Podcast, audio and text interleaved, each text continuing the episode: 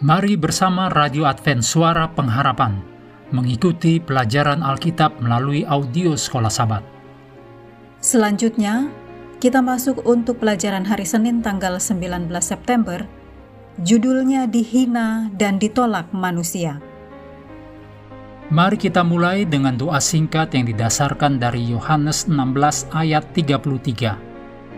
Dalam dunia kamu menderita penganiayaan, tetapi kuatkanlah hatimu. Aku telah mengalahkan dunia. Amin.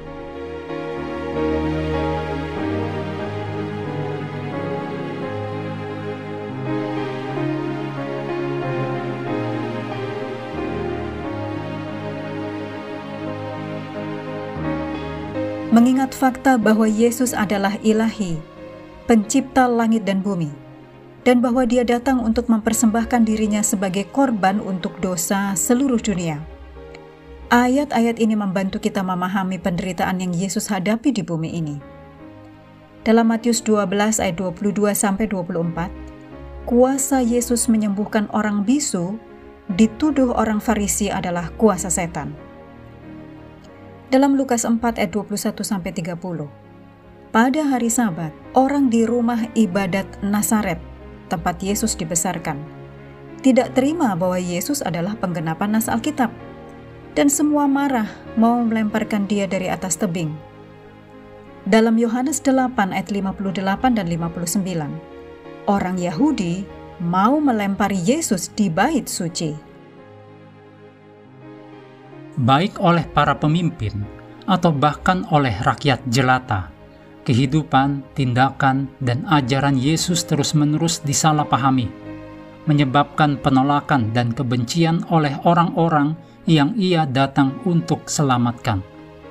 Dalam arti tertentu, ini seperti orang tua yang melihat anaknya yang nakal membutuhkan bantuan, dan meskipun orang tua bersedia memberikan segalanya untuk anak itu, anak itu menolak orang tua, mencaci maki, dan menolak satu-satunya orang yang bisa menyelamatkan anak itu dari kehancuran total. Itulah yang Yesus hadapi selama berada di dunia. Betapa pasti menyakitkan itu bagi Yesus. Mari kita baca Matius 23 ayat 37 tentang bagaimana perasaan Kristus tentang penolakan itu. Celakalah kamu hai ahli-ahli Taurat dan orang-orang Farisi, hai kamu orang-orang munafik, sebab kamu sama seperti kuburan yang dilapur putih, yang sebelah luarnya memang bersih tampaknya, tetapi yang sebelah dalamnya penuh tulang belulang dan pelbagai jenis kotoran. Tanyakan juga pada diri Anda sendiri, apakah Yesus merasa dirinya buruk saat menghadapi penolakan? Atau apakah ada alasan lain? Jika karena alasan lain, apakah itu? Kita semua pernah merasakan pedihnya penolakan, dan mungkin rasa sakit kita serupa dengan penderitaan Kristus yang tidak mementingkan diri sendiri, yaitu disakiti, bukan karena kita ditolak, tetapi karena apa arti penolakan bagi orang yang menolak kita, yang mungkin adalah seseorang yang kita kasihi, namun menolak untuk menerima keselamatan di dalam Kristus. Namun, Bayangkan bagaimana rasanya bagi Yesus yang sepenuhnya sadar akan apa yang harus ia hadapi untuk menyelamatkan mereka, dan pada saat yang sama menyadari sepenuhnya apa konsekuensi dari penolakan manusia.